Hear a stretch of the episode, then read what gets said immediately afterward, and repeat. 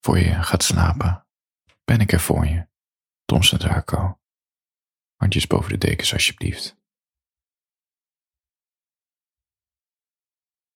Ik had het laatst over memento mori. Uh, het, de gedachte dat je sterft. Dat je dan pas echt ziet wat het toe doet in je leven. En dat is een gedachteoefening, maar je hebt ook dingen in het leven, klinkt een beetje gek, dat je echt geconfronteerd wordt met de dood. En dat doet ook wat met mensen. En ik kwam in een korte tijd drie stukjes tegen daarover op het internet.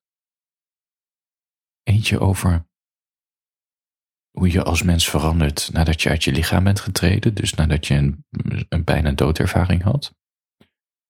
Eén stuk in een boek over hoe soldaten aan het front zingeving ervaren. Fascinerend. En het laatste is waar mensen uh, spijt van hebben als ze op een sterfbed liggen, als ze terugkijken op hun leven. En ik zat, en het laatste punt, ik zit de dagboeken te lezen van Anaïs Nin. Rest in peace. En zij heeft het over dat je soms in een soort winterslaap kan zitten in je leven en dat je hele leven voorbij trekt. ja, echt heel, nou ja. Daar kom ik op terug, voor je gaat slapen. Ik las een interview in de Volkskrant met een oud Zuidas-advocaat. Je weet wel, op de Zuidas zitten al die advocaten voor al die multinationals die allemaal van die belastingconstructies hebben verzonnen om belasting te ontduiken. Wat echt absurd is, want belasting is niet slecht. We zijn een collectief. Je geeft wat aan de staat, zodat de staat voor ons kan zorgen. Je stopt met dat kinderachtige gezeik over anti-belastingen zijn. Zo, dat moest even van mijn hart. Hij, ging, hij werd geopereerd aan een tumor in zijn hoofd. En tijdens die operatie trachtte hij uit zijn lichaam en kwam in een andere dimensie terecht. Echt wow. En hij zegt dan in dat interview: Het voelde als een goddelijke ervaring. Maar dan zonder een opperwezen, sorry, zonder een opperwezen of dogma's. Het goddelijke was overal, ook in mijzelf als een innerlijke bron. Die heeft iedereen, denk ik. Ik realiseerde me ten diepste hoe bijzonder het is dat je een tijdje mens mag zijn. Door de oneindigheid van tijd en ruimte ervoer ik hoe klein een mensenleven is en ik voelde me dankbaar voor het feit dat ik bestond. Dat interview leest, Daarna was hij dus genezen van dat gejaagde leven gericht op geld en status. En hij vraagt zich ook af, ja, het is bijna een cliché, maar het is ook wel weer leuk om te lezen of zo. Hij vraagt zich af waarom iedereen zoveel waarde hecht aan ego en materie. Sinds die operatie snapt hij dat totaal niet meer. En ik kan me wel voorstellen, en dat las ik hier ook in, dat zie je ook met mensen die stoppen met roken of van de drugs afgaan of heel veel afgevallen zijn, die die zijn niet alleen heel blij dat ze hun leven hebben veranderd, ze zijn getransformeerd. ze krijgen ook een drang om als een soort messias het goede woord te verspreiden, dat het heel irritant wordt. Te zeggen waarom jij moet sporten en waarom jij aan de shakes moet en waarom jij, snap je? Dat had hij dus ook. Ging dus iedereen in zijn omgeving ermee vermoeien als een soort lichtbrenger. En dat was denk ik wel het melancholische aan het interview dat heel veel mensen dat helemaal niet willen horen. En dat snap ik ook. Je leeft je leventje. En heb je zo'n gast die zegt dat hij in een andere dimensie is geweest. En die zegt dat je het anders moet doen en je ego moet loslaten. Dan word je toch ook. Hij heeft heel veel vrienden verloren. En hij is uiteindelijk ook gestopt met zijn werk op, zijn, op de Zuidas. Ja.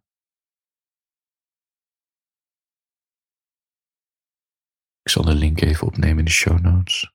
Ja, misschien komt er een paywall voor hoor. Er zijn manieren om die paywall te vermijden. Dat heet een Brave. Kleine tip van Tom Darko als je nog niet in slaap bent gevallen. Je hebt een browser die heet Brave. En als je die installeert, uh, blokkeert hij sowieso voor je trackers en cookies.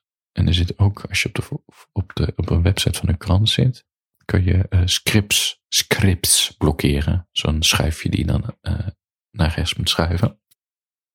En als magie verdwijnt die betaalmuur. Niet doorvertellen. voor je gaat slapen. Ik vraag me heel erg vaak af, helemaal met die confrontatie met die oorlog in Oekraïne, wat is de zin van het leven als je aan het front zit? Je bent gewoon een sterveling met een wapen. Zit je daar? Een beetje pief paf poef te doen? Neem me serieus, als je elke dag aan het front met artillerie beschoten wordt en je bijna elke dag moet doden om niet gedood te worden, wat, wat doet dat met je psyche? Ik zat een Tweede Wereldoorlog boek her te lezen. Die, misschien ken je die. Er is ook een serie van gemaakt uh, op HBO. Die heet Band of Brothers. Al, al best wel uh, 15 jaar oud of zo, die serie. Het boek is echt, de, het is gebaseerd op een boek met interviews met al die soldaten van de Easy Company. En wat het leuke is aan dit boek, dat het uh, ervaringsverhalen mixt met, met, met, feiten en achtergrondjes en weet je, twee alinea's hoe dan bijvoorbeeld de slag om de Ardennen werd uitgevoerd, wat de problemen waren. Heerlijk voor mensen zoals ik. Maar ook stukjes over de psychologie van wat gebeurt er nou in, tussen de oren bij die soldaten. Waarom deden ze nou bepaalde dingen? En in dat boekje stond, uh, er werd Paul Vassel aangehaald, ik denk een onderzoeker. Die heeft ontdekt dat een soldaat door een rationalisatieproces gaat. Dat het kan sterven. En dat rationalisatieproces dat kan in een dag gebeuren, maar ook in weken of maanden. En dat bestaat uit drie fases. Fase 1 is dat elke soldaat, als die begint aan de oorlog, dat die denkt, dat kan mij niet overkomen, dat ik doodga. Fase 2 is, weet je, als je de eerste veldslag hebt gehad of de eerste artillerie om je oren zijn gevlogen. Als ik niet oppas, kan het mij overkomen? En de laatste fase is, dit gaat mij sowieso overkomen. En alleen als ik niet aan het front ben, voorkom ik het. Dus besef, die laatste fase, dat is eigenlijk bijna een acceptatie van ik ga hier sterven aan het front, behalve als ik niet aan het front ben. En dit heeft extreme gevolgen voor de psyche van de mens aan het front. En ik moet er wel een klein beetje om lachen, want ik las wat berichten over Rusland, dat die al die soldaten extra geld belooft. En als je sterft, krijgt je familie heel veel geld, weet je, maar dat is onzin. Dat heeft dus geen zin. Je kan een soldaat niet belonen of straffen om aan het front te blijven. Want als je elke dag geconfronteerd wordt met de dood en je weet dat je kan sterven, heeft materialisme nul effect meer.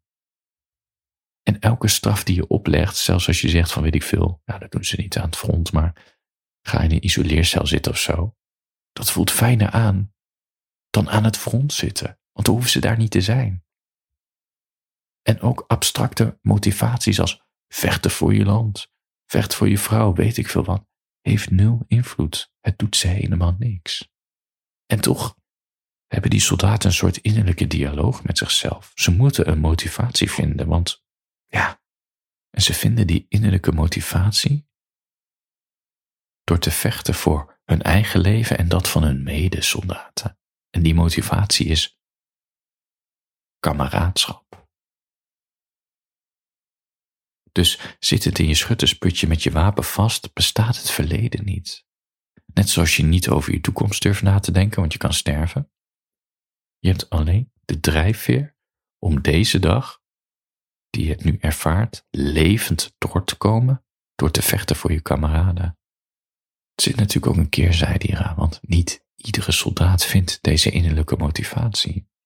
Tijdens de Tweede Wereldoorlog kregen 10 tot 20 procent van de soldaten binnen een week, binnen een week, aan het front psychische klachten en moesten gewoon van het front weggehaald worden. 10 tot 20 procent. Dat zie je dus bijna nooit in die films en die series. Hè? Dat is 1 op de 5. Ja, die trok het gewoon niet. Binnen een week. Er is echt niks mannelijks aan oorlog. En de soldaten die bleven, die kregen natuurlijk ook psychische klachten, alleen het was niet direct zichtbaar of het uitte zich pas na de oorlog. Dit moet je beseffen. Na 180 dagen is geen enkele soldaat meer effectief door de mentale gevolgen van de oorlog. Waarin je dus ziet dat de mens helemaal niet gemaakt is voor dit geweld. Na 180 dagen is onze psyche gewoon En dan heb ik het nog niet eens over al die fysieke ongemakken die je daar kon oplopen aan het front. Diarree, loopgravenvoeten, longontsteking, gebroken tenen. En je kon ook nog een schotwond oplopen, maar dat was sowieso vervelend, want als je die overleefde, werd je gewoon weer terug naar het front gestuurd. Voor je gaat slapen. En sommige momenten, soms heb je van die artikelen of inzichten die gaan dan viral. En dan bedoel ik niet een grappige meme, maar het verschijnt dan op alle nieuwsites en zo. dat was in 2011 ook. Het is niet dat ik het 2011 heb onthouden, maar ik kwam hem opnieuw tegen.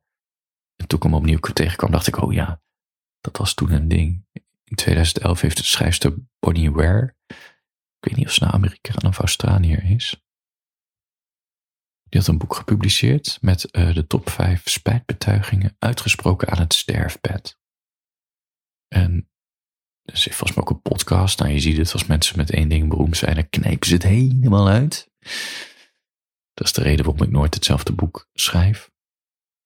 Wat heeft het nou voor zin om uh, tien boeken over Charlie te schrijven? Ik ben geen thrillerschrijver. Ik maak kunst. Je moet jezelf af en toe opnieuw uitvinden. Het is veel leuker om uh, nieuwe terreinen te verkennen. Dat gezegd hebbende, dit zijn de vijf zinnen die mensen uitspreken op een sterfbed. Ik wou dat ik mezelf had toegestaan om gelukkiger te zijn. Oké. Tweede punt. Ik wou dat ik contact had gehouden met mijn vrienden. Pittig. Ik wou dat ik de moed had gehad om het leven te leiden dat bij mij paste en niet bij wat anderen van me verwachten. Pijnlijk. Vierde punt. Ik wou dat ik niet zo hard had gewerkt. Hm. Laatste punt. Ik wou dat ik de moed had gehad om mijn gevoelens te uiten. Nou, als je nog niet slaapt, heb je nu nog wat over na te denken. Voor je gaat slapen wil ik het over Anaïs Nien hebben. Die zat in een. Uh, aan het einde van haar leven zijn haar dagboeken gepubliceerd. Zij is een feminist en schrijfster. Korte verhalen heeft gemaakt, essays. Ze leeft niet meer. Frans-Amerikaans ze. Was ze. En, uh, het eerste gedeelte van haar, haar, dagboeken gaat over een driehoeksverhouding die ze had met een beroemde schrijver, Henry Miller, en zijn vrouw. Ja, het is echt alsof je mee zit te kijken met het leven. Daar ga ik over verder praten, maar dat is alleen voor Petje Af abonnees. Petjeaf.com slash Abonneer je ook, hartstikke leuk. Minimaal vier spraakberichten per week. Om jouw melancholische ziel gerust te stellen dat je niet de enige bent die zich zo voelt. Je steunt mijn kunst, echt elk klein beetje steun helpt mij om dit te kunnen blijven doen. Ik krijg vier dagen in de week uh, oh, elke ochtend een melancholisch, inspirerend, grappig, soms hitsig mailtje van Handjes boven de tekens. Lekker.